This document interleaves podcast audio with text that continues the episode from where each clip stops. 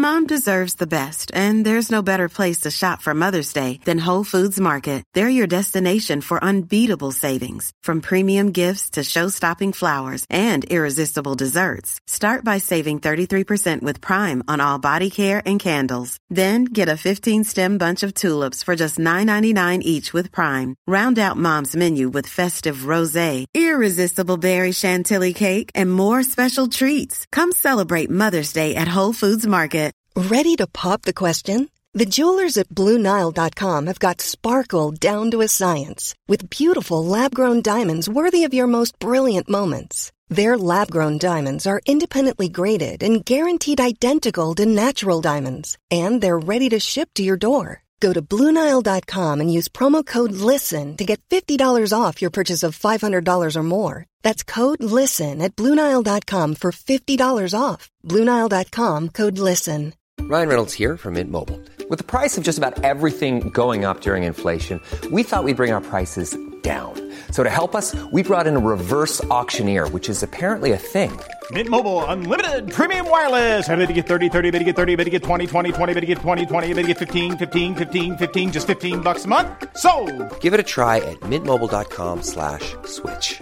$45 upfront for three months plus taxes and fees. Promo rate for new customers for limited time. Unlimited more than 40 gigabytes per month. Slows. Full terms at mintmobile.com. Välkomna till Celestial Podcast. Jag heter Stella Fadell och det är jag som driver den här podden. Här utforskar jag allt inom spiritualitet, ockulta ämnen och andra magiska ting. Enjoy my loves!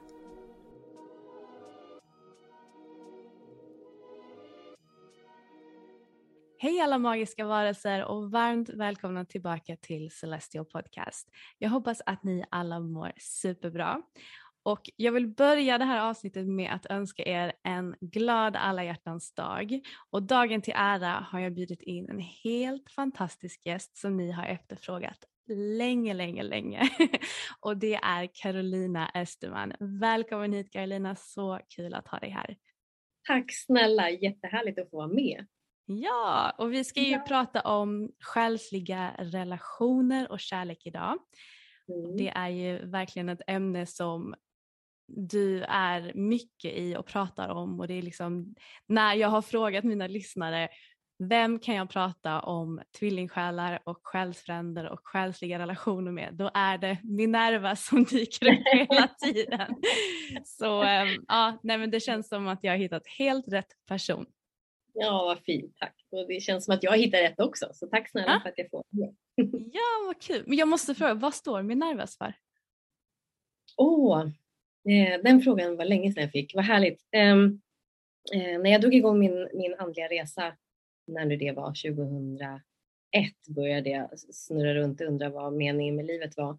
Eh, I samma veva så började jag kanalisera, gick en kanaliseringskurs. Ehm, och hade i och för sig haft, liksom, varit öppen ända som barnsben, men jag förstod inte det förrän när jag väl började eh, intressera mig. Då förstod jag att, det var, att, det var, att jag hade varit öppen och känt saker redan som barn.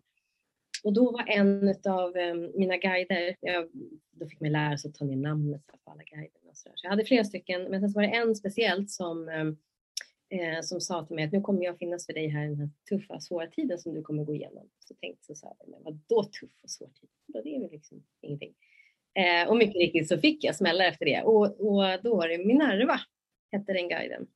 Nej. Och eh, sen så när jag väl skulle göra min hemsida eh, några år senare så tänkte jag men den måste ju heta Minerva. Men minerva.se var upptaget så då tänkte jag, nej, men, här, jag slänger på ett S. Minerva.se, jag vet inte var jag fick det ifrån men, men den vägen är Ja, men har du, har du fortfarande mina, alltså din guide kvar eller har det liksom Ja, blivit nya absolut. guider som har kommit in?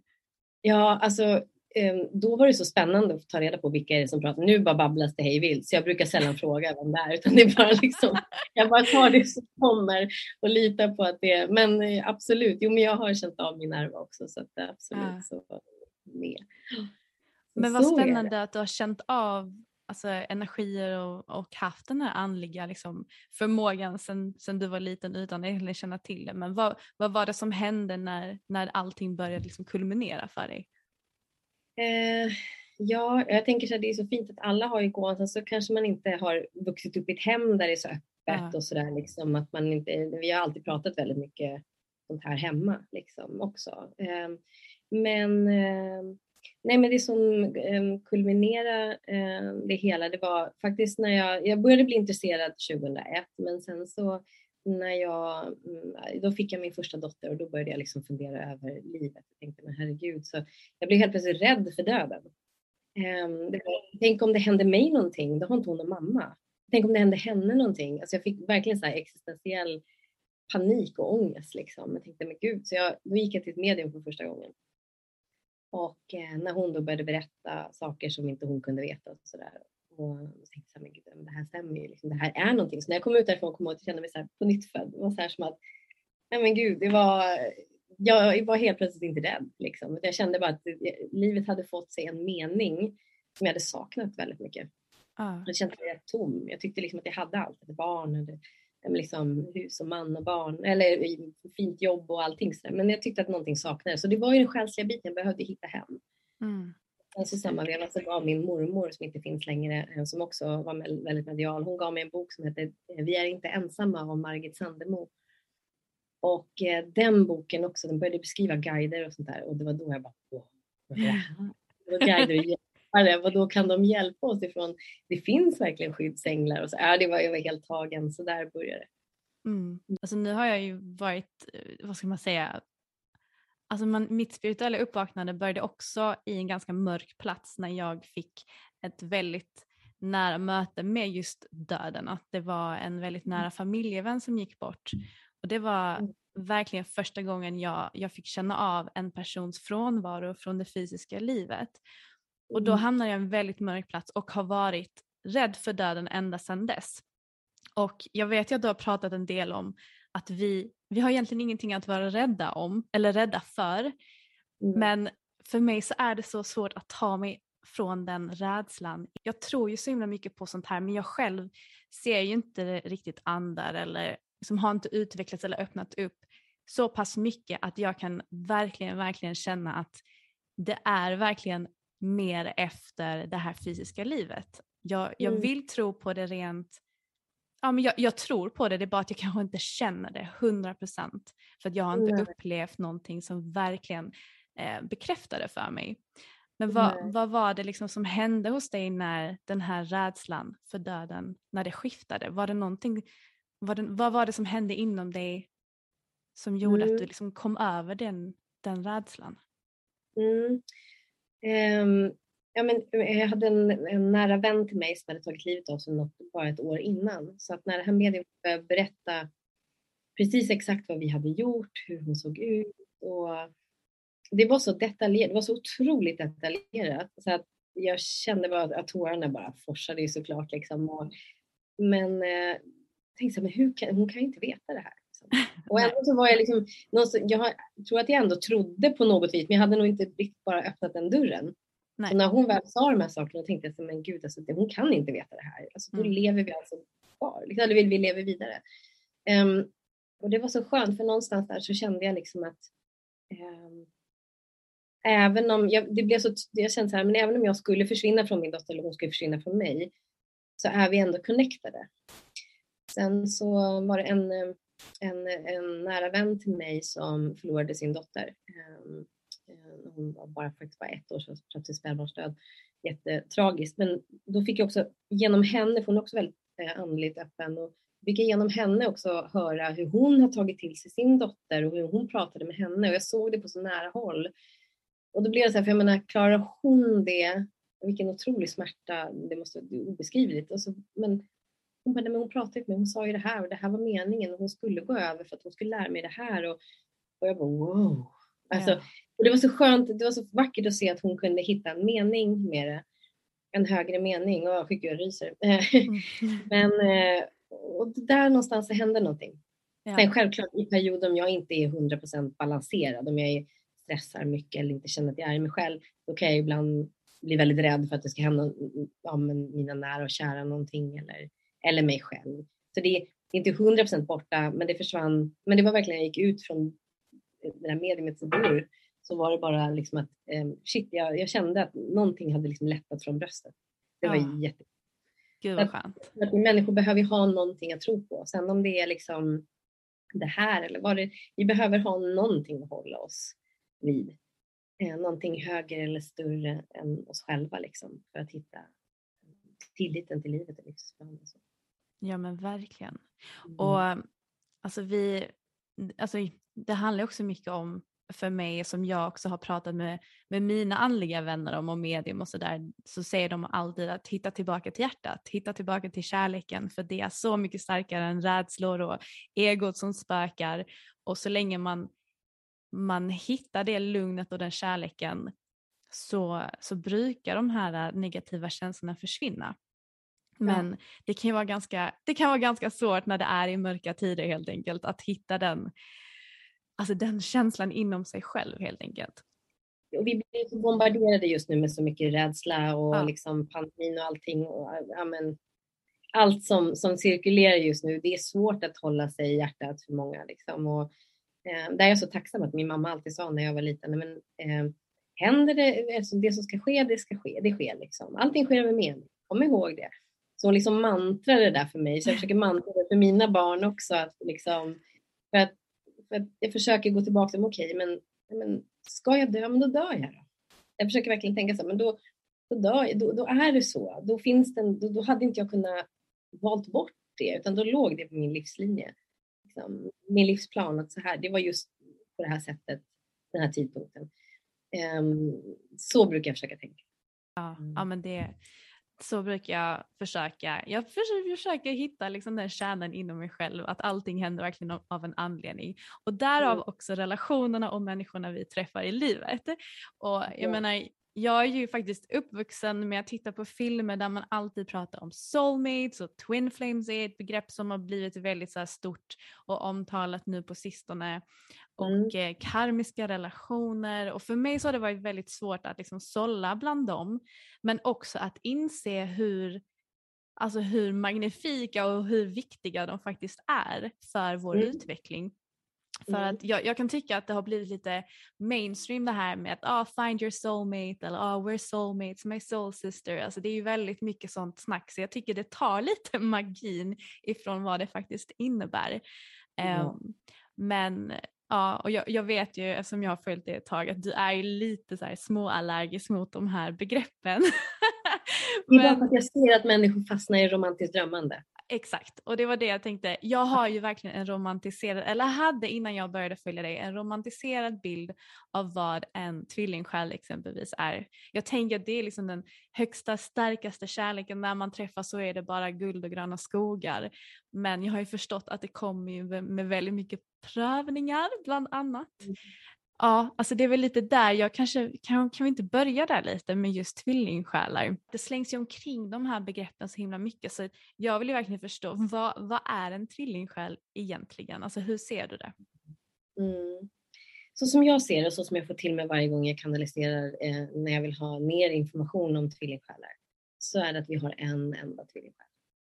Eh, och ehm, det finns, jag vet att det, min, hela min resa med själsliga relationer handlade, eller eh, öppnades också dörren när jag läste en bok som heter Själsfrändare av Rita Rogers. Och hon pratar om att man har en enda själsfrände. Men hur mycket jag än älskar den boken så, så måste jag säga så här att jag anser att hon har fel. För själsfrände har vi många. Men jag tror att hon egentligen menar en tvillingsjäl. Alltså twin flame Ja. igen. Mm. Eh, men tvillingsjälen har vi bara en och eh, så som jag får till mig gång på gång eh, så jag är inte Gud så jag kan inte skriva i sten, men jag får till mig att vi möter vår tvillingsjäl i vårt sista jordeliv. Det är därför också som det är så otroligt, otroligt prövande mellan liven, ehm, ehm, in, alltså innan vi lever liksom vårt sista jordeliv, så har vi eh, kontakt telepatiskt med vår tvillingsjäl. Mm. Ehm, och att vi har levt tidigare men sen så separerades och det sägs, sägnen sägs att vi separerades eh, på Atlantis. Just det. Ehm, och, ehm, och, och tvillingsjälar det är ju en väldigt stark kontakt. Det är, det är, man, man känner ju en, en, liksom en själslig igenkänning. Det kan vara ett otroligt starkt möte. Eh, en del har inte så starkt för att man kan rätt snabbt i rädsla. Så det beror helt på hur pass öppen man är också när man möts. För känner man direkt att det. shit, liksom, det här, gud vad det här, den här personen berör mig. Då kan man ju stänga av och då blir det inte så magiskt. För båda två behöver ju vara och tycka wow vad härligt jag vågar det här. Ja, så det är därför som tvillingsjälar kan ha lite olika upplevelser. Men det blir en direkt igenkänning och det blir en stark liksom, känsla, väldigt stark känsla. Mm. Och, ehm, men tvillingsjälen, så som begreppet sägs, att ehm, det är vår andra halva av vår själ. Ehm, jag gillar inte att ta begreppet i att vi är halva, utan jag anser att vi är hela. Och, Ja. och jag brukar säga att tvillingsjälen är egentligen oss, vi, vi själva. Vi möter i den personen som är vår då twin flame, tvillingsjäl, eh, den perfekta spegeln. Det finns ingen som kan spegla oss precis så, så starkt, så tydligt och så naket och ärligt som en tvillingsjäl. Och det är därför det är så jobbigt. För Just det. allting som vi har dolt, det blir synligt. Ja. Att, eh, och vi får ingen som helst hjälp överhuvudtaget. Utan tvillingsjälen säger bara så här, jaha, men okej, så jag petade ditt sår, det blev jobbigt. Ja men gud vad bra, men jobba med det då, så går jag hit så länge. Men Inte- gud. Inte, inte såklart inte säga så i ord, men det är så. Nej, alltså, nej. man- Tvillingsjälen erbjuder ingen hjälp överhuvudtaget. Det är för att någonstans så vet själarna att vi måste möta det här själva. Ja. Och i och med att det är sist, sägs att det sista jordelivet så ju längre vi kommer, vi lär oss ju från varje liv efter liv efter liv efter liv efter liv. Och sen liksom när vi står där på, på randen och ska vara klara, då kommer ju alla sluttentorna och då möter vi liksom, vilken kan vara bäst? Bara, där, där möter, där återförenas man. Och då får man också liksom någonstans lära, lära varandra också det man har lärt sig i tidigare i det här livet men också i andra, alla andra liv. Det som man har stött och blött med själsfränder och så vidare. Mm. Ehm, och så kommer man liksom tillbaks och, och, och möts och verkligen så här, får lyfta fram de här lärdomarna på bordet. Och är det så att man missat någon lärdom, då händer det att tvillingsjälar ibland går isär under en period för att man måste kanske träffa en själsfrände då för att göra en, en, Ah, liksom, just det. plocka med sig en lärdom för att man inte var riktigt klar. Just Så. det. Men hur, hur är det om, om det är så att man har sin tvilling, för det, det är inte säkert att man träffar sin tvillingsjäl i just det här livet, eller hur? Nej, det beror ju Nej. på om det är sista jordelivet eller inte. Så, så som jag ser det, som jag, jag, Ah. jag, jag hela tiden, kan det verkligen vara så att man måste se sitt sista jordelivet? Jag får ner det varje gång jag kanaliserar. Men som sagt, jag är inte Gud, jag kan inte säga så, att så här är det till 100 procent, men jag får till mig det hela tiden. Ja. Men kan det vara, så- är man liksom, är det då ödesbestämt att om man är i samma, om ens tvillingsjäl är i samma liv som en själv, är det då ödesbestämt att man ska till slut eh, end up together? Ja, att man ska träffas absolut. Och sen så finns det de som inte riktigt klarar av att leva tillsammans. Men jag Nej. ser, alltså, sen så är det så här, jag har väglett, som du säger, begreppet tvillingsjälar kom för några år, det har blivit större de senaste åren. Ja, Innan det ja. var det väldigt mycket själsfränder. Det är inte det att tvillingsjälar inte har funnits förut, men begreppet har liksom vuxit fram nu. Ja. Och de som jag har följt, vad kan det vara nu? Kanske sju år, sex år, någonting sånt där. Sju år kanske, ungefär, som jag aktivt har jobbat med tvillingsjälar. Så finns det de som har gått isär. Men vi har inte, jag brukar säga så här, vi ser ju inte, vi har inte sett slutet än. Vi har inte Nej. sett när de sitter på ålderdomshemmet, hittar de tillbaks till varandra eller? Eh, jag, jag, har inget, jag har inget facit på det. Men jag ser att man kan aldrig släppa kontakten. Det går inte. Hur mycket man än försöker så går det inte. Man liksom dras tillbaka och man, man saknar, man längtar. Till slut så liksom, är man långt ifrån varandra under en längre tid så liksom måste man mötas. Sen kanske det inte funkar just då så kanske man måste separera igen. En del funkar det för på en gång. Det beror också på hur långt man har kommit och hur villig man är att jobba. Och hela tiden stå kvar i hjärtat, liksom, i sin sanning. För det är A och O. Egot kan inte vara med på den här resan och det är därför det är så tufft. Just det. Men då måste man ändå vara, vara ganska... Men jag tänker man behöver vara ganska andlig då för att kunna möta sin tvillingsjäl. Alltså man måste ju vara ganska liksom, eh, vad ska man säga, långt gången på sin resa som du säger. Men jag har också väldigt svårt att använda just olika begrepp som starseed och tvillingsjäl och sådär. Jag, jag är lite aktsam när det gäller det. Det, Men- det är jag med. Ja. Ja. men, Jag men jag det. tänker till exempel då med, eh, med min kille då. Eh, alltså han är ju inte så där liksom andlig utåt sett. Så att säg då, ponera om vi skulle vara då tvillingsjälar. Behöver han också vara liksom medialt uppkopplad? Måste han också förstå det här med ego och med, med själen och kärlek och sådär? Alltså behöver man vara på den nivån av, av den förståelsen?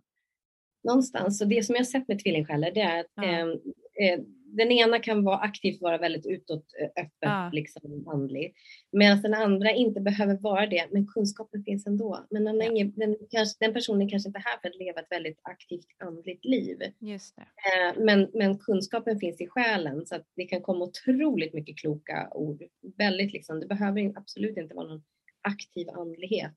Mm. Men eh, man är på samma nivå. Det är först då man sammansmälter så att man kan vara lite så här. Men, men i och med att man är samma, samma själ som det sägs eh, så, så liksom det är därför det är så viktigt att man är sann, för annars kan man liksom inte smälta ihop. Liksom. Om man är, är man inte sann, då finns det ingen matchning. Liksom. Så att, ehm, och det är när man möts på det spirituella planet och sammansmältningen sker också. Och så det är därför det är stökigt. Är egot med hela tiden, då kan det liksom inte bli någon sammansmältning. Liksom, så. Eh, men jag håller med dig, jag är väldigt så här, de här begreppen står mig lite grann upp i halsen. Eh, samtidigt så, varenda gång jag försöker lägga det ifrån mig, så när jag vägleder människor så säger jag så här, men alltså, det här är, det här är ju en sån energi. Alltså, jag kan liksom inte, jag kommer tillbaka till det hela tiden. Ja. Och bara, ja, men det här är en klockren själsfrände, för det där är liksom, det är rätt lätt och härligt och speglingar och utmaningar absolut, men, men det är lugnare energi ja. det är. Jag ser direkt liksom, jag kan säga att det där är en karmis, oh, ja, det där är jag. Alltså, så här, så jag kan liksom inte sudda bort begreppen heller, jag försöker ibland. Men, Nej, men det... det... är bara för att det blir så romantiskt drömmande. Vi, liksom, vi, vi tjejer är ju, vi fick ju liksom läsa om prinsen, man skulle vara prinsessan och prinsen kommer Exakt. där. Och. Och för killar, liksom, små killar, så man liksom, någonstans så blev det här the one, jag ska hitta min prinsessa. Liksom. Exakt. Det, det, där är det så, vi kan inte fara iväg i romantiskt drömmande när vi har träffat vår tvillingsjäl. Det går inte. Mm. För att um, då är egot också med och inte är nöjd, inte är här och nu, inte tar det för vad det är, utan man liksom måste drömma, måste vara där borta och skapa en fantasibild.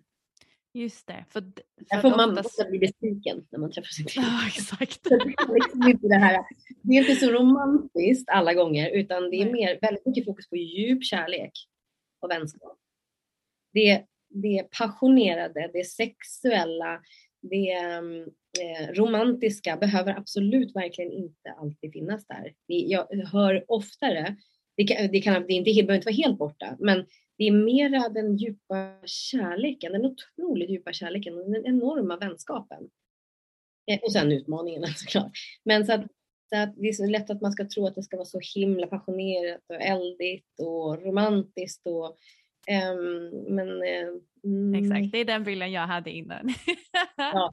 Men det är ofta så det, det, visas i filmer ju. Alltså det är där man får ja. liksom sin information ifrån, från filmer, böcker, tidningar och så vidare. Ja. Så att, ja, man får... Vad sa du, själsfränder? Själsfränder är lite mer så, det, det, kan, det är mer, oftast mer romantiskt. Om det inte är så att man kan ha själsfränder som är sin bästa vän eller sitt barn eller eh, sådär. Så det, det, det behöver inte alltid komma i form av kärleksrelation, men det gör tvillingar. Exakt. Mm. Men själsfränder som du sa, det behöver inte vara just en, en kärleksrelation. Men det, det, har ingenting egentligen att göra med ålder heller. Alltså jag kan vara 80 och ha en själsfrände som är 5. Liksom. Det spelar ingen roll. Ja, Ja, okay. mm. nej, absolut. Det, det, är så. Det, det, spelar ingen roll. Och vi kan ha, eh, det är också en siffra som jag får till mig gång på gång på gång att vi har 144 stycken själsfränder. Det var många. Eh, men vi träffar inte alla såklart i det här jordelivet. Nej. Nej. Liv efter liv efter liv, som det sägs som när vi separerades med vår tvillingsjäl på Atlantis, som det sägs, så, så återföddes vi in i våra själsfamiljer och det är själsfränderna. Oh, eh, så det är därför det också är mera men känna, känna, där är du igen. Liksom. Själsen, det känns otroligt familjärt. Det är så otroligt tryggt. Liksom. Själen har ju liksom varit där telepatiskt och liksom så, men, men um, det blir också en igenkänning. Det blir nästan ännu mer så här, oh, där är du. Det här ja. med själsfränden. Ja. så, man har men det är mysigt. Ja. ja. Men kan mm. man ha, för jag känner ju, alltså jag, jag älskar djur så, så mycket och mm. eh, jag har ju en hund som jag känner att vi har ett sånt starkt själsligt band. Kan man ha en, ett djur som soul, soulmate eller själsfrände? Det är jag helt övertygad om. Det är helt Eller övertygad om. Ja, Ja. det tror jag absolut. Att man har mötts förut och man har det speciella själsliga bandet. Absolut. Ja. Exakt. Mm. Ja, vad mysigt. Men Mm. vad, okej om vi skulle gå in lite mer på själsfränder då. Eh. Mm. man, man kan ha 144 stycken. Men okej, vänta, vi måste nog backa lite till Atlantis, för jag älskar ju att läsa om La- Atlantis och jag är jättefascinerad av, av det. Var det någon speciell anledning eller har du fått till dig varför just liksom den här delningen eller separationen skedde under Atlantis?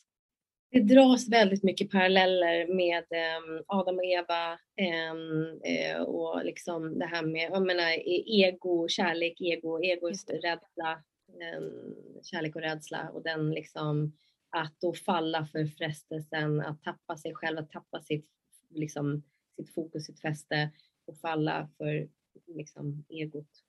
Just det. Eh, Mm. Det sägs att det var att det är alltså, av samma anledning, att vi behövde gå tillbaka sen och hitta vårt ursprung. Och det är den resan vi gör hela vägen tills vi träffar vår tvillingsjäl. Ah, Okej. Och då ska vi liksom ha liksom, jobbat så pass mycket med eh, ego. Sen så är det så här, vi lever ju vi lever ju här på jorden, vi är tvungna att ha ett ego. Liksom. Så är det ju. Ja. Eh, Och ego kan oftast bli som ett eh, skällsord. Liksom. Är, men, men om man säger så här, att leva i total kärlek, i villkorslös kärlek ehm, och kunna vara helt i nuet och kunna vara helt sann mot sig själv. Mm. Just Mm. det. Så, När det kommer till själsfamilj då, är det då att man, alltså vad innebär det mer konkret? För att en, en tvillingsjäl är ju en själ som har delats i två. Hur är det Mm. liksom med själsfränder? Är det att man, är det att själen har liksom delats flera gånger eller är man liksom från samma kärna eller liksom energi? man, är typ, man är från samma kärna, så, Ja. så ser jag det. Eh. Och eh, säg då om man då ska prata, man kanske kommer från samma stjärna eller eh, vad det nu må vara. Liksom. Mm. Ehm, så, att, ehm, så, så så är det och där, där kan vi vara otroligt många och vi, vi känner alltid, en, alltid när vi träffar en själsfrände så drar det igång väldigt mycket våra livsprocesser. Ja. Väldigt mycket. Mm. Mm. Vi kan få sån här väldig inspiration att liksom börja hitta vår väg. Så. För sen när man träffar en tvillingsjäl så då har man oftast något gemensamt mission. Men det är för att man har hittat det innan och sen så blir det liksom någonstans förverkligas det ännu starkare. Sen kan man, man kan ju leva sin life mission ändå i, i andra liv när man inte träffar sin tvillingsjäl men det blir så starkt och man, man hittar någon slags gemensamt mission. Även om man kan jobba i helt olika branscher så har Mm. man ett, ett liksom gemensamt Mm. Hur är det för din del? Har du träffat din tvillingsjäl? Ja, jag har honom i mitt liv eh, så att jag vet eh, vad den här resan innebär. Mm. Sen så är det lite lurigt för man kan ehm, ehm, inte nog med att det finns liksom begreppet tvillingsjäl, det finns också falsk tvillingsjäl och hjälpande tvillingsjäl. Och Okej. ehm, här kan det vara, man, man, man träffar oftast en falsk eller hjälpande tvillingsjäl innan man träffar sin äkta tvillingsjäl. Och det här är, det här, det här nu blir det väldigt så avancerat, men det är ehm, personer som också är på sin tvillingsjälsresa, som är här för att träffa sin tvillingsjäl. Men man är inte varandras tvillingsjäl, utan man kickar igång den här processen, man möter de här, den här personen för att de är så otroligt lika den äkta tvillingsjälen. Ah, Eh, okej. så att det är för att man ska få övas lite grann. Man övas med själsfränderna och sen så övas man med eh, falsk och hjälpande och sen möter man sin äkta. Hjälpande, eh, det är skillnad på hjälpande och falsk tvillingsjäl. Ja, falsk tvillingsjäl är ofta en som stormar in väldigt snabbt i ens liv, kastar runt hela, är som att man blir helt, det är som att ehm, nu fastnar lite, hoppas inte det är jag som fastnar här. Nej, Nej, alltså du, så fort vi började liksom komma in lite mer på det här så det, alltså det är alltid så när jag pratar med, med väldigt mediala andliga personer då är det alltid problem med tekniken. Alltså det, det slår aldrig fel. Eh, Den falska kommer in så otroligt snabbt. Alltså det, är verkligen, det blir en otroligt stark attraktion och det är för att det finns en lärdom. Man, måste liksom, man får inte missa varandra, då blir en stark eh, attraktion. Och, eh, hela ens världsbild bara kastas om. Så det är, jag brukar säga att det är ungefär som att kastas in i centrifugen, åka runt där fort som fasiken, kastas ut igen och sen när man blir utkastad så undrar man vad sjutton hände? Just det. liksom vad, alltså, hel, men alltså, så som jag har levt, det funkar inte, men vänta nu, vad är det här? Medan en hjälpande kan komma in och kan man ha en relation med en hjälpande under en längre tid. Den stannar oftast lite längre. Så det är verkligen en övning. Men liksom, det är som att det är katalysatorn med den falska, alltså, så den hjälpande är liksom en, en, en lite längre process. Okej. Okay. Men det är väldigt mycket den äkta tvillingsjälen. Ja, okej, okay, okej. Okay. Men är det då som du säger, man ska liksom värma upp sig inför den riktiga relationen helt enkelt? Ja, det är bara för att man, man behöver vara så klar som möjligt för att det ska synka. Ju mer klar man är, sen blir man aldrig klar förrän vi lämnar jordeliv. Alltså, så är det Det är en hela tiden en resa. Men ju mer klar vi är, desto bättre, eh, desto skönare och mer harmoniskt blir det. Exakt. Men det är så typiskt när tvillingsjälar eh, man tänker så åh, men nu, nu har jag honom. Men gud, nu känns det bra och nu, åh. gud, vi ska gifta oss kanske. Mm, man går runt och fantiserar. Då händer det ofta sånt. Så, fort man liksom, det är hela tiden ah. man måste liksom vara i nu.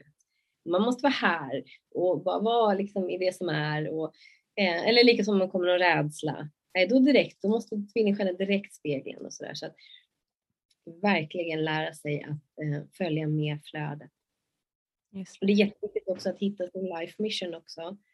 För att det kommer trycka på så pass mycket när man träffar sin tvillingsjäl också. När det kommer till att vara i sin, ja men sann mot sig själv så mm. det är väl då man först kan attrahera in en person som vibrerar och synkar med en energimässigt. Men mm. är det när man inte är sann mot sig själv som man attraherar in ja, men, dåliga personer för en själv? Karmiska relationer. Ja. Okej, okay. där kommer karmiska relationer in. Okay. Mm när man är rätt lost i livet om man säger så. När man liksom har tappat fotfästet helt. Liksom, sladdat av sin motorväg och hamnat i diket liksom, och man inte lever sin sanning. Det kan inte kommit liksom Um, utan man, bara är på, på en, man vibrerar inte sin högsta energi helt enkelt. Exakt. Då möter man en karmisk relation. Och karmisk relation, det är verkligen prövande. Um, det, är, det blir oftast en jättestark attraktion otroligt stark attraktion. Och det är för att det finns så mycket lärdomar. För karmiska är det någonstans vi verkligen lär oss också. Alltså alla, här, alla relationer lär vi oss mycket av. Yeah. Så är det vänskap eller vad det nu må vara också. Men en, eh, just för att man inte ska missa lärdomen så är det väldigt stark attraktion. Ehm, och, men sen så blir det väldigt lätt den här maktkampen. Pajkastning. Men du gjorde, ja men du då? Det kan vara rätt hårt. Det är inte så supportande, det är inte så upplyftande, men det är det med själsfränder. Det är det med tvillingsjälar. Även om det är så här, men gud vad härligt för dig. Ja, men jobba med det så går jag. Man får inte den biten, det kan låta hårt. Men, men både själsfränder och tvillingsjälar är upplyftande, stöttande, mm, liksom varma energier på så vis. Medan karmiska är det liksom, det är hårt. Det är rätt, mm. Man kan vara elaka mot varandra. Liksom, så. Mm. Men kan det vara så för att... Stormigt destruktivt stormigt om jag säger så. Mm. Destruktivt stormigt, ja. Men mm. kan det inte vara, alltså, för kan man, kan man ärva kar, karmiska relationer från sina föräldrar? Jag vet inte om det är if that makes sense men alltså jag tänker man pratar mycket om så här att, att hela och läka ancestral wounds och sådana grejer som liksom kommer nerärvt. Men har det någonting med karmiska relationer att göra eller det är liksom två åtskilda saker? Där skulle jag säga att man eh, har något slags, alltså man, man ärver ett slags beteendemönster eh, som en viss typ av energi, så skulle jag säga. Eh, så skulle jag säga. Eh, vi möter ju alltid de personer som vi behöver möta för att läka, eh, som ger oss de prövningar som vi behöver för att bli hela. Det som jag ser med karmiska relationer, det är att man petar väldigt mycket i man, man petar på de små barnen helt enkelt. Så det är, så det är de här femåringarna som bara, men du då, men du då, du gjorde och så här. Liksom det, blir, det är väldigt mycket aktiverat i de, i de små barnen inom oss. Just väldigt. det. Ja. Mm. För man pratar ju jättemycket om det också, att vi ska läka vårt inre barn. Men varför mm. är det sånt stort fokus på just det? För jag tänker liksom trauman och jobbiga saker händer ju när man är vuxen också. Borde man liksom inte ta hand om sin inre vuxen eller vad man ska säga? Absolut. Men där brukar jag säga så här att um, de prövningar som vi får i vuxen ja. ålder kan vi alltid härleda bakåt. Jag jobbar med eh, knuten och kärnan på det som är deras grundproblem. Eh, det kommer väldigt snabbt efter typ en, två minuter bara kommer det till mig. Um, och sen så kan man se det temat i resten av livet så, Ah. om man inte har dealat med lilla flickan eller pojken där. Så liksom det blir som en, en spiral, det blir som en snöboll som bara blir större, större, Ah. större, större, större, större, större. Så de prövningarna man får som vuxen, så som jag ser på det i alla fall, härleder väldigt mycket till det vi inte har mött och kramat om och, och liksom läkt från barndomen. Så att livet kommer ju alltid och smeker på kinden och säger liksom att "Hörru, du, du, du behöver titta på den här biten. Titta på det här nu. Och så gör vi kanske inte det och så smeker det lite hårdare och smeker hårdare och sen slut bara då kommer, det här, då kommer den här käftsmällen som, som då, kan vi tycka att vi får riktig prövning och liksom mår riktigt dåligt. Men att man kan se att det här leder tillbaks. Att till Mm. slut så får det lilla barnet nog. Liksom. Det, det, är, det här käftsmällen är egentligen det lilla barnet som skriker och skriker och skriker. Och när ett barn som man ignorerar som bara skriker som man inte är där, den skriker ännu högre. Till slut får den dra i liksom håret och kläderna liksom för den vill ha uppmärksamhet och bankar och på den. Mm. Och så skulle jag säga att det har med det att göra. Har du något liksom bra tips eller något sånt eller hur du jobbar med ditt inre barn? Starta dagen brukar jag säga det är A och O. Ja. Verkligen, det är så himla viktigt. Och där eh, tycker jag själv att det är härligt att bara liksom direkt när jag eh, vaknar och slår upp ögonen Eh, för då, då är själen så närvarande. Då har jag liksom inte mindet hunnit kommit igång. Liksom. Så innan jag tar telefonen liksom bara känner in två sekunder. Okej, men hur mår jag idag? Vad vaknar jag till för dag? Eh, och sen så försöker jag härleda det tillbaks till är jag ledsen, vaknar jag känner mig ledsen, men då, då försöker jag se det lilla barnet som är ledsen och försöker se och känna in åldern. Och så bara tänka att jag bara säger mm, god morgon, liksom. det är du Ja. och jag. Ja, men sådär. Var en liten, och det behöver inte ta många minuter. Mm. Hellre eh, totalt 10 minuter eller, eller bara 5 minuter om man bara har det än inte alls. För att vi som du säger, för varje dag vi inte är här inne så är vi mycket, det är mycket lättare att vi snubblar av vår, vår väg. Liksom. Precis, precis. Och vi hör inte riktigt heller då. Nej, nej. Alltså Vår det är verkligen en disconnect till slut. Ja, det och blir sen verkligen. så bara blir man, alltså jag bara tar lite från min egna erfarenhet, när jag inte prioriterar min, mig själv och mitt välmående då blir det ofta att ganska så snabbt så hamnar jag i, alltså att jag blir så himla trött och utmattad och, och liksom ganska ångestfylld och liksom lätt att ta på mig andras intryck och sådär. Så att Mm. eh, jag märker verkligen en jättestor skillnad på när jag väl checkar in och när jag inte gör det. Men det är så Mm. konstigt att man ändå inte väljer att prioritera det, precis som att man går och borstar tänderna varje dag. Det är ju någonting som man bara gör för att det, är liksom är så, det är som en rutin som, som sitter liksom in i ryggmärgen. Men att, att Mm. checka in med sig själv är ju någonting som man, som man också bör, liksom, det, det bör ju vara lika naturligt. Tycker jag. Men jag tänkte fråga dig. Men så är det ofta. Vi vet ju ofta vad vi behöver göra. Så där tycker Ja. jag ofta att det är med oss människor. Vi vet vad vi behöver men det är inte alltid säkert att vi gör det. Exakt, och, det, och ofta så är det ju, de gångerna jag undviker så är det ju ofta när jag känner att det kanske är lite jobbigt.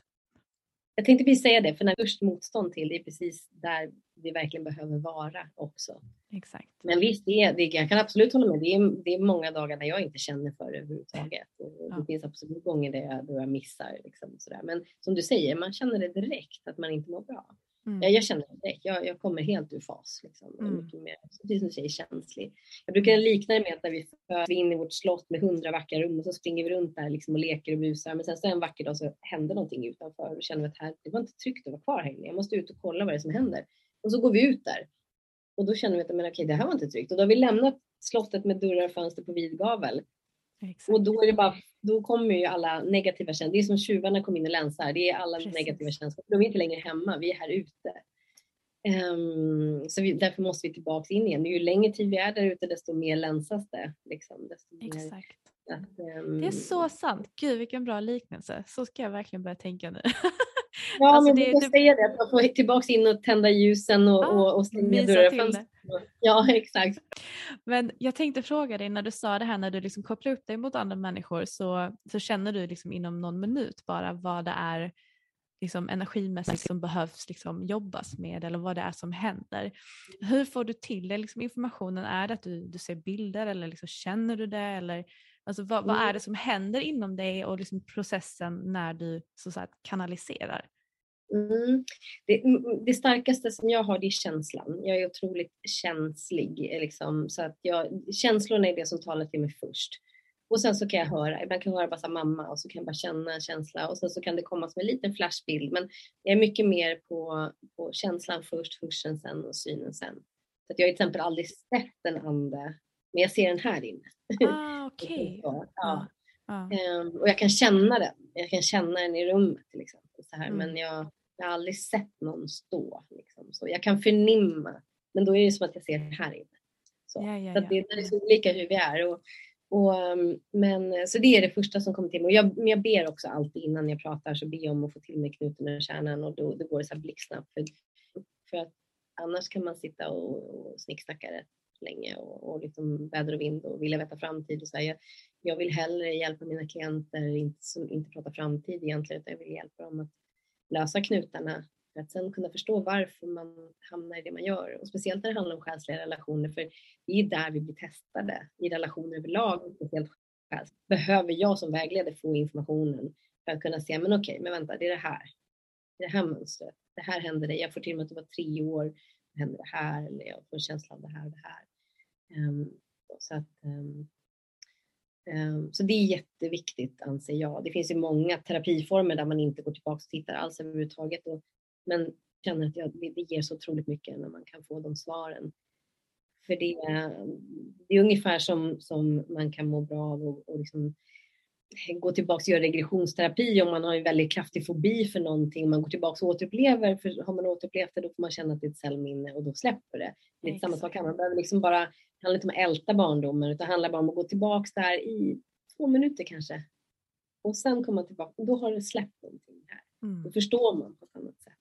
Exakt. På Mm. tal om eh, regressionsterapi, nu när jag tänker efter, när det kom just till liksom det här med själen och tvillingsjäl. Nu vet inte jag, som sagt jag är väldigt ifrågasättande allting som jag upplever. Men när jag var och gjorde den här, det var också precis på morgonen så jag var väl liksom lite aktiverad eller någonting. Men jag, eh, jag gjorde en tidigare livregression och eh, ja, den var guidad. Och helt plötsligt så liksom under Eh, hon som guidade, hon sa ja men vi skulle gå in i någon trädgård och sen så skulle vi liksom gå till någon dörr och sådär. Men då bara tar liksom mitt medvetande över och eh, skjutsar upp mig någonstans i rymden. Ja, det var det det kändes som i alla fall. Det kändes som att jag flöt omkring i liksom ett totalt mörker men samtidigt så började jag liksom se att det var små, små ljus, typ små stjärnor som började liksom tändas och glittra runt omkring mig. Och så bara känner jag att jag flyter och jag bara, men vad, vad, vad fan händer? Var är jag någonstans? Och eh, jag, jag bara, okej, men så tittar jag ner på min kropp och ser att jag har liksom ingen, jag har ingen fysisk kropp längre utan jag är liksom ett enda långt ljussken nästan. Och eh, det hände ju jättemycket i den här regressionen där jag bland annat tror att jag trä- träffade min tvillingsjäl fast i ett, i ett annat liv. Ehm, och den, han dog då i det här livet. Oj. Och när jag, eh, när jag var i den här liksom själsliga formen så var det att när jag flöt omkring så var det som att jag såg den andra själen, alltså som också ett ljussken. Och helt Mm. plötsligt så, så hamnar jag liksom i tredje person och ser liksom hur de här två ljusen kommer samman och blir ett. Och jag har fortfarande jättesvårt att förstå vad det var som hände och om jag bara har hittat på det här scenariot. Fast det kändes så starkt och jag grät i floder för det var så himla alltså, stark upplevelse. Och jag har alltid funderat på, men var det att jag, jag såg mig själv som liksom själen och att jag såg min tvillingsjäl som själ och liksom hur vi förenades. Det var ett sånt Det precis, för det hände efter, ja det hör till också att när eh, det var liksom senare i regressionen som jag eh, dog i ett annat liv då och flöt upp i den här liksom själsliga formen. Och det var då liksom vi, vi blev samman till ett. Alltså gud det är väldigt svårt att förklara det här. Det är så svårt att förklara. Så här, Nej, men jag, jag är med dig. Ja du är med mig, vad bra. Men eh, jag vet liksom inte, det var så starkt och jag, och jag tänker ofta på det minnet och, och liksom så här, var det min tvilling själv? För det kändes, jag har aldrig liksom känt den längtan efter att tillhöra en, en annan liksom varelse. Men hur ser du, alltså kan du se själen? Eller hur upplever du liksom själen? Eller om du ens gör det? Oj, eh, vilken fin fråga. Jag vill, bara, jag vill bara lägga till på din, Ja. eh, din regression att det var så tydligt att du liksom lämnade din fysiska form, gick upp i ditt andliga jag, ditt sanna jag, ditt andliga jag. Um, och det låter absolut som att du fick möta, att det blev någon slags sammansmältning på ett, på ett sånt plan. Eller hur? Eh, behövde nog få se det, få känna det um, för att um, öppna någon dörr tror jag till här och nu. Exakt. Mm.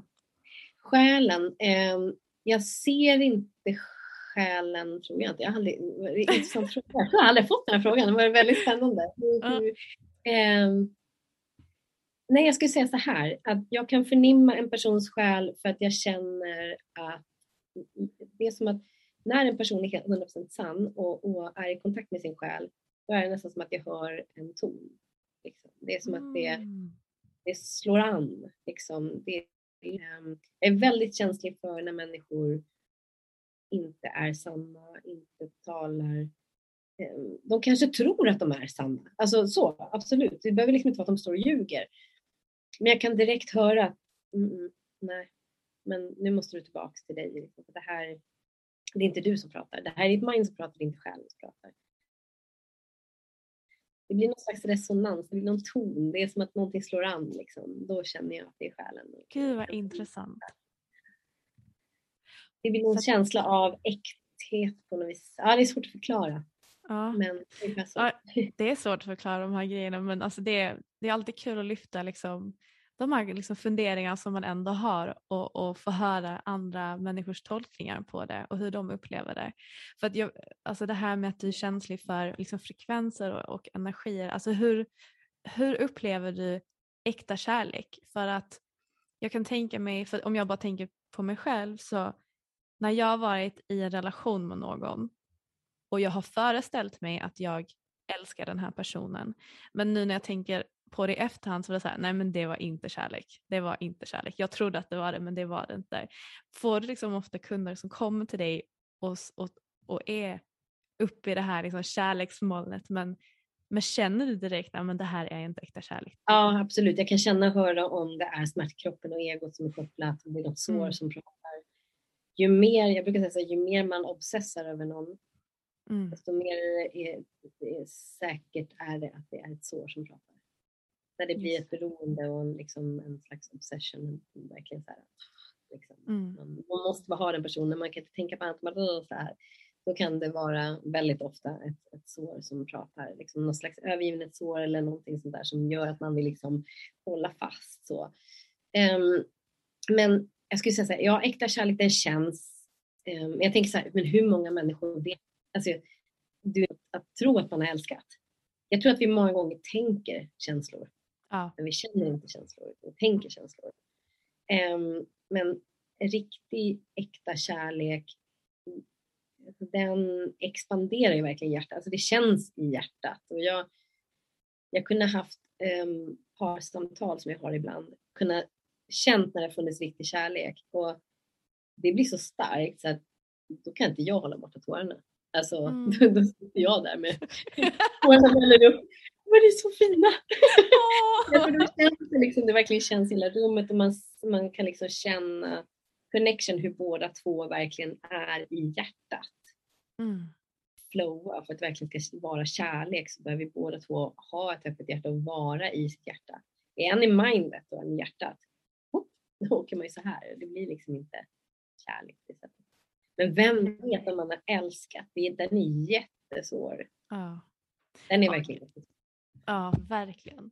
Men jag tänker också på det här med tänkandet och kännandet. Då kommer vi lite in på det här med maskulint och feminint.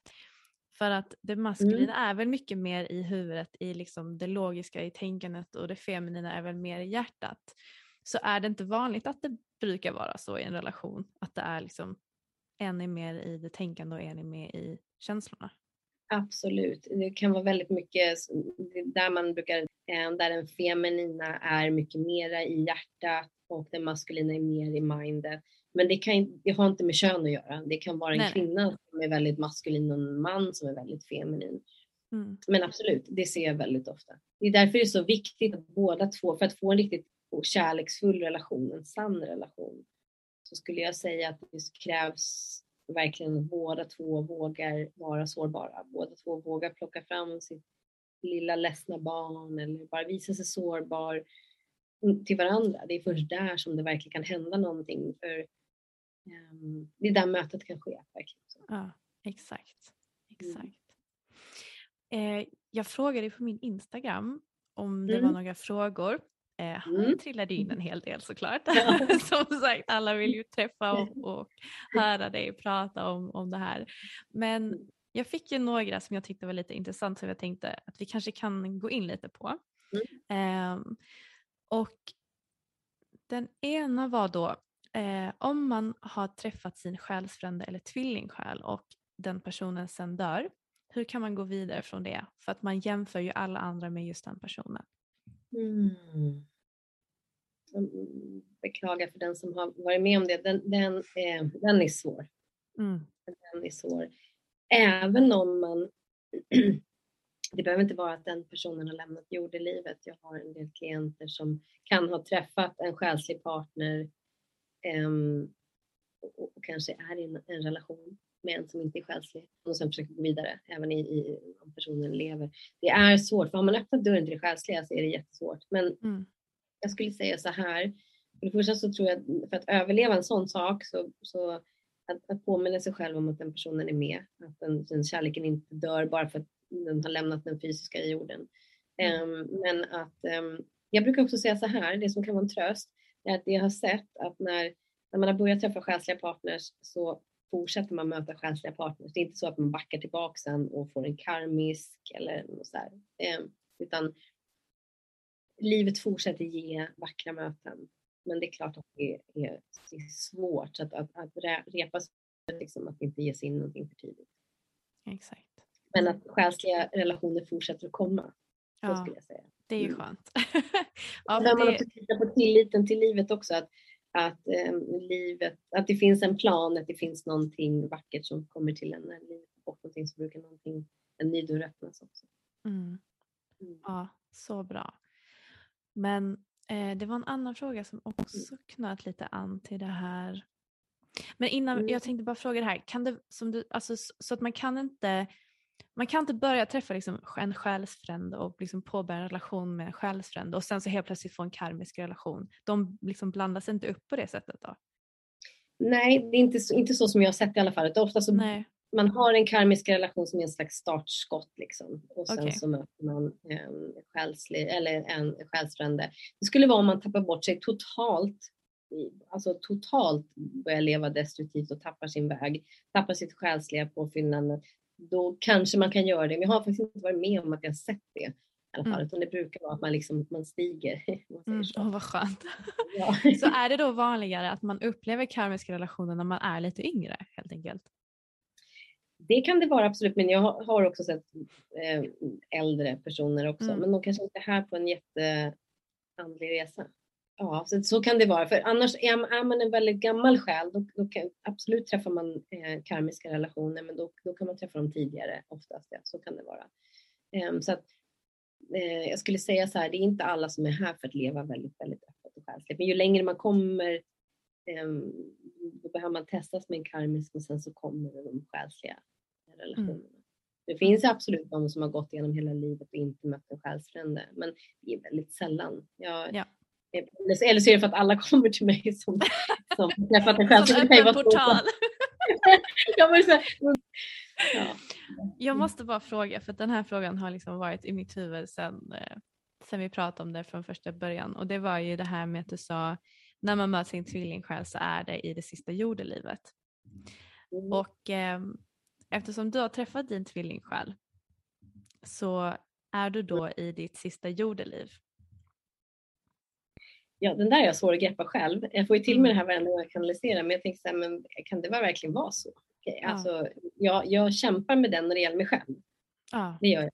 Jag kan se det med andra, för att har man, är man här på sin tvillingsjälsresa så är man, alltså jag hör direkt när jag börjar prata med en person om de är i sista jordlivet eller kanske precis livet innan eller någonting, när man är en så otroligt gammal själ om man har varit med om så man hör, det känns. Liksom, ja. så. Och, um, så då kan jag förstå det med andra. Jag har väldigt svårt att ta till det med mig själv. Jättesvårt. Så ja. att, uh, Jag vet inte. Ja, jag vet. Ja, det, var så här, alltså, det är ju en jättekänslig fråga. Jag, tänkte bara, ska jag fråga eller ska jag inte? Men, Ja, nej men det gör Ja, det är ingenting. liksom Du så får- här att- ja, du bara säga om det blir, om det blir för, för liksom känsligt. För att, ja, Absolut vi är ju absolut fortfarande människor i grund och botten med känslor. Liksom. Ja, vi är ju det. Vi är ju det. Och, och, um, det vill vara väldigt mycket här och nu ändå. Men, men Ja. eh, varje gång jag säger det till någon annan. Eh, ja, men du träffade din tvilling själv och du är här i det sista jordeliv. Och så här, fast kan ibland tänker jag så, men kan jag säga så? Vet jag det?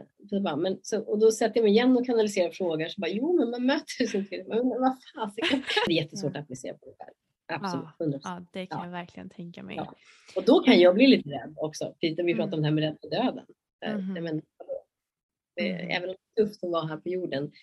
Men ska jag aldrig bli här? då? Det verkar jättekonstigt. Men, Ja, Ja, det är svårt att greppa. Det är Jag kan inte säga det om mig själv, men jag kan säga det. Nej, jag, jag, jag vet. Det måste vara så, det är liksom så himla svårt att greppa de här grejerna. Och, alltså, har du fått till dig någonting om vad det är som händer då?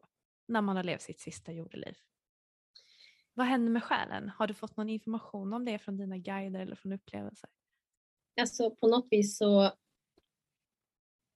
Eh, som jag, plockat, jag har valt att inte gå in så jättemycket och känt in där faktiskt av någon Mm. anledning. Intressant, det kanske jag ska göra nu. Nu säger jag öppnar den dörren.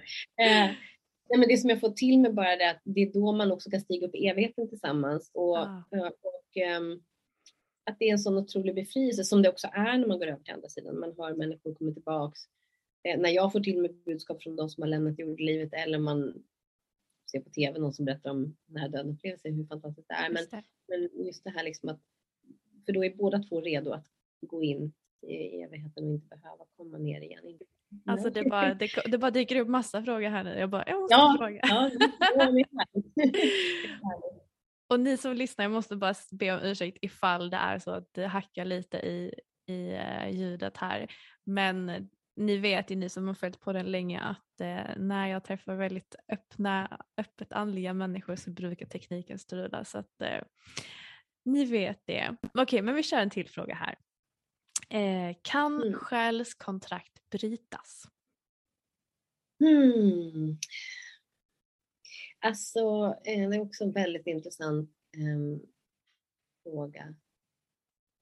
Jag skulle säga så här att karma kan vi... Eh, alltså, jag skulle säga så här, vi, vi kan be om att karma eh, ska eh, avslutas. Men de här riktigt, riktigt ödesbestämda sakerna, de ser inte jag riktigt att vi kan eh, bryta. Um, Mm. För det är avgörande saker som vi är här för att uppleva i det här livet för att kunna ta oss till nästa nivå. Nästa nivå i det här livet men också nästa nivå för att kunna um, slippa ta med oss det till nästa liv. Um, men karman kan man be om i förväg. Det har jag, det har jag testat på klienter och testat det själv också. Eh, jag tror också så här att vi får inte heller missa lärdomen så att är det så att vi på sluttampen och precis håller på att lära oss den här eh, lärdomen som är kopplad till karma, då tror jag att det är lättare att kunna kapa det än om vi precis har klivit in i det. Och när karma släpper, då känner man det. Eh, då säger man så här, då, då mantrar man mycket att det är, eh, det är så orättvist och varför händer det här mig och så här, det är typiskt. Då. Just det. Just det. Mm. Jag har lärt Men när mig karma släpper, då kan man titta på en person som bara, eh, vad såg jag hos dig? Alltså Ah. inte, här illa, inte illa Nej, nej, menat, men det är så här, Exakt. Nej men gud, alltså hur tänkte jag? Eller om någon situation eller något jobb eller vad som helst, liksom när något karmiskt släpper som är kopplat till personen eller situationen eller vad det nu då, då fattar man ingenting. Det är som att man har varit i trans och sen så bara pop, Exakt. då har karma Ja. släppt. Ja. Ja. Och det har jag känt många gånger nu när jag tänker Mm. efter. Att nästan tar av sina karmaglasögon och bara det liksom blir en liksom objektiv uppfattning bara aha nej men Eller du var, inte, du var inte så jobbig som jag Varför tyckte jag att du var så jäkla jobbig? För det var ju antagligen för att du petade något sår inne hos mig liksom. Och sen så Exakt. har jag väl lärt någonting där. För jag har ju lärt mig det nu också att Alltså gud vad man har blivit triggad under sitt liv av vissa grejer och att det är så himla enkelt att lägga över det ansvaret på någon annan när man blir triggad. Att åh vad du är jobbig eller åh vad du, varför är du så störig? Och Bara sluta men i slutändan så har jag ju insett bara men okej att jag blir triggad är för att jag gör det någonting inom mig som jag inte är 100% aligned med. Det är därför liksom den här personen antagligen har dykt upp i mitt liv för att trigga det så att jag kan läka det på något sätt. Men eh, det är inte lätt. Nej, det är inte det. Det är inte det. Och, och, men men ju, mer, ju mer du kan se det på det sättet, desto lättare blir det. Och då kan du tacka för också för lärdomen. Exakt. Um, men den är svår om man är väldigt uppretad och mitt i såret. Men, men att försöka nu för att det ligger hos mig. Eh, för att det är någonting som är petat här och det är någonting jag behöver titta på och, och att allting är speglingar påminna sig om det också. Jag tänker på det här med, för att återknyta till karma också. Det mm. blir ju, det blir ju så otroligt starkt, man blir väldigt blind där för att det är just för att man inte får missa lärdomen. Och det är därför också det blir som ballongen spricker Därför blir det ännu starkare också, så man inte, verkligen inte kan förstå liksom, vad var det som hände. För att man ja. är blind där och då, för att man måste ah, ja. uppleva. Mm. Ja, man har skygglapparna på liksom. Ja. Okej, vi ska se. Jag tar kanske två frågor till. Mm. Så att jag inte snor hela din kväll. Men mm. kan det vara så, vi, vi var ju lite inne på det innan. Kan det vara så när liksom klienter kommer till dig att de, eh, de väljer bort sin tvillingsjäl för att istället välja en själsfrände för att det är enklare helt enkelt? Ja, det händer. Det händer absolut. För att det, är, det, låter, det låter så fruktansvärt när man säger att det är så jobbigt. Och det är jobbigt, men det är också klart att det kan vara väldigt vackert också. Men, ja. det, men det händer absolut. Ehm, men det är svårt. För att kopplingen finns alltid där om man mm. dras väldigt mycket tillbaks. Mm. Ja. Så man kan ta the easy way out, men det finns ju fortfarande lärdomar som är kopplade till tvillingsjälen och det är som sagt, det är så pass ödesbestämt också så att det är jättesvårt att bryta det där. Mm. Faktiskt. Just det.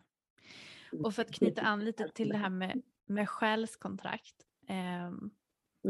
hur, hur ser du ett själskontrakt? Alltså är, det, är det att man innan man kommer ner och inkarnerar i det här livet att man, man skriver ut en livsplan eller liksom hur, ja, hur funkar men så det? Är det. Som att innan vi väljer att kliva ner i det här livet, jordelivet, så har vi bestämt med den personen att eh, vi kommer in i varandras liv där och då. Eh, då kommer jag behöva dig, du kommer behöva mig. Eh, och ehm, ja, på den vägen är det därför också man känner en igenkänning med just den personen också. Ehm, och precis som vi pratade om också, det, det, behöver inte bara vara när det är jobbig karma, det kan vara vacker karma också. Alltså det kan vara vackra lärdomar också. Men hur som helst så blir det starka för man bara just det. Och då känner vi ofta ett jättestarkt motstånd till den personen också. Det är väldigt lätt att känna det. Det är precis som att själen bara oh no, you're in for a ride. Jag passar dig nu, kommer du ihåg vad du har valt? Mm, exakt, och det är det, man kan ju bara skylla på sig själv i slutet, at the end of the day. Och det, det är ju lite jobbigt kan jag tycka. Exakt. Men okej, okay. för att avrunda lite grann då Karolina. Mm. Hur, jag vet att du, alltså, du pratar liksom om och du har liksom hållit kurser och sådär i hur man kan hitta sin soulmate och sådär. Men jag tror alltså at the end of the day så är det att man behöver eh, finna sig själv och hitta tillbaka till sig själv.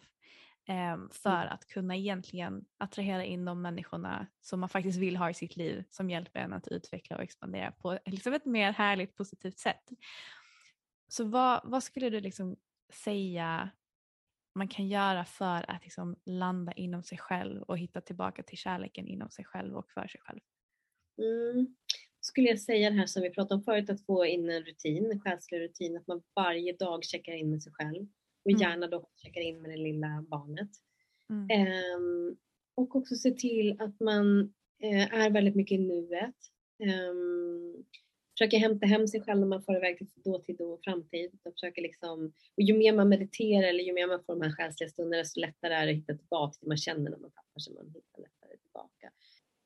Um, och också försöka söka ditt livssyfte skulle jag säga också. Um, för att då någonstans är det också väldigt aligned med din själ. Liksom. Och då är det också lättare. Men väldigt mycket alltså självkärlek. Pyssla om dig själv. Um, jag brukar säga, jag ska ha ett self-love retreat nu i helgen. Då ska vi prata om mother yourself. Oh, just det. att liksom verkligen så här äh, att um, ja, men verkligen vårda om, ibland är engelskan, ibland är engelskan oslagbar. Det finns inget ja, bra. Ja, men du hör, jag också. Mother yourself. Ja, liksom att verkligen vårda sig själv, ta hand om sig själv liksom en, ja, en, se till att det här lite så här klyschiga, ha en relation med dig själv först innan. Hur vill du, vad vill du uppleva i en relation? Men, men, men pyssla om dig själv på det sättet. Gör de roliga sakerna du vill göra med en partner, liksom lev. Mm. Eh, att inte pausa livet, att inte sitta och liksom vänta. Och, man kan inte missa den som är menad heller utan där knuffar livet ut den. Och, ehm, jag har nog sagt det här förut, det är säkert många som känner igen det, men man brukar säga att kärleken kommer inte knacka på dörren, men det kan det absolut göra. Jag har haft en klient vars tvilling själv var en hantverkare som knackade på dörren. Nej. Det var bokstavligen kärlek som knackade på dörren. Så vi kan liksom inte missa den som vi är ämnade att leva med, men, men vi kan Nej. liksom hjälpa på traven genom att ju mer vi jobbar med oss själva desto mer smooth blir ju eh, den här riden också. Det blir ju skönare ju mer vi har jobbat och omfamnat i oss själva. Ja. Och jobba med speglingar också, där kan vi också liksom jobba med att förbereda oss själva också liksom när vi blir triggade av en annan människa att se att okej, men det är spegling i vad jag inte har och, och liksom omfamnat i mig själv och tacka varenda jobbig person här inne liksom att tack Mm. för att du kom och gav mig den här prövningen. Mm. Det är Ja. mycket sån här nurturing. ja, verkligen. Nu måste jag också bara fråga det här ju. Alltså hur man hittar sitt livssyfte, bara för att du sa det nu. Det är ju någonting jag har fått höra så många gånger och jag tänker bara, men hur, hur gör man detta? Det känns som Ehm. att du har redan börjat lite grann med din podd. Så skulle jag säga. Vad kul! Vad roligt att det är lite aligned då helt enkelt. ja. Men, men för mig, om jag bara tänker liksom rent, nej, för jag har ju reflekterat över den här frågan ganska många gånger eh, och Mm. tänkt på så här, men när jag mår bra, då vet jag att jag är på rätt väg. Och det, det Mm. behöver egentligen inte vara mer komplicerat än så. Ehm, för att jag, känner, jag kan verkligen känna när jag är på fel plats, det här är inte alls någonting jag ska göra eller vara på eller whatever. Ehm, men lite grann, nu har jag landat i att ja, men jag ska följa det som jag verkligen mår bra av och känner en glädje, en otrolig glädje när jag gör. Mm. Kan det vara så enkelt eller vad, alltså hur ser du på det? Jag ser på det på det här sättet att eh, vår life mission handlar om tre saker. Mm. Det är vår livsväg från det att vi föddes till nu. Det är allt Mm. ifrån vad vi har varit med om eh, rent själsligt så, men också yrkesval och sådär. Man kan hitta liksom ledtrådar liksom, men väldigt Mm. mycket den själsliga resan. Mm. Så, så livsresan kombinerat med passionen, det man brinner för och de starkaste egenskaperna. Mm. Där har du. Älskar när det blir konkret. Det är så Ja. härligt för min hjärna. Alltså jag är helt, ibland så bara blir det, jag är helt ute och svävar så jag älskar när det liksom blir lite kategoriserat så jag kan förenkla det lite grann. Ja, men det var jättebra sagt. Men Mm. gud, ja, det här har varit så, det har varit så, så ögonöppnande att, pr- att prata om det och jag ser så mycket fram emot att få göra en, en ordentlig sittning med dig och få Ja, det kommer. Ja, Ja, det ska du nej, få men- göra. Men det har också varit så här, som sagt, ditt namn har ju liksom varit i min periferi så länge men det är liksom först nu jag har liksom känt att nu är jag redo att träffa dig.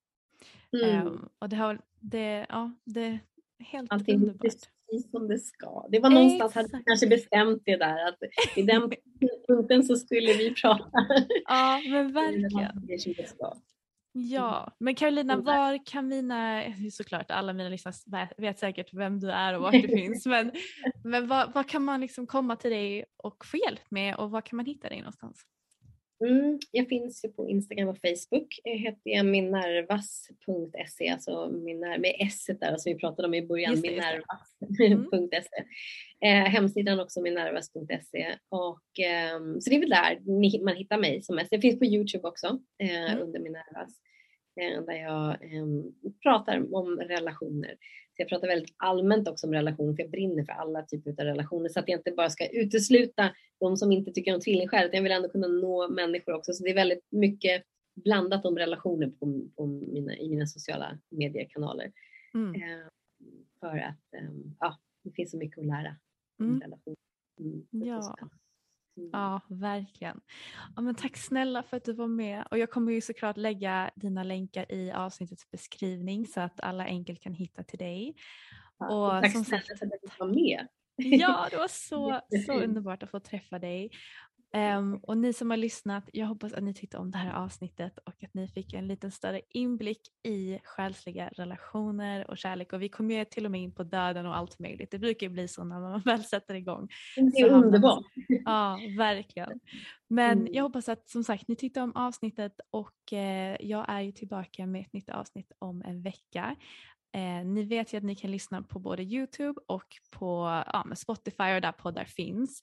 Det kan vara så att det är lite hackigt i just eh, Youtube-videon idag men eh, jag hoppas att det inte ska vara några problem nu när jag redigerar. Men tack igen för att ni har lyssnat så ses vi och hörs vi igen om en vecka. Puss och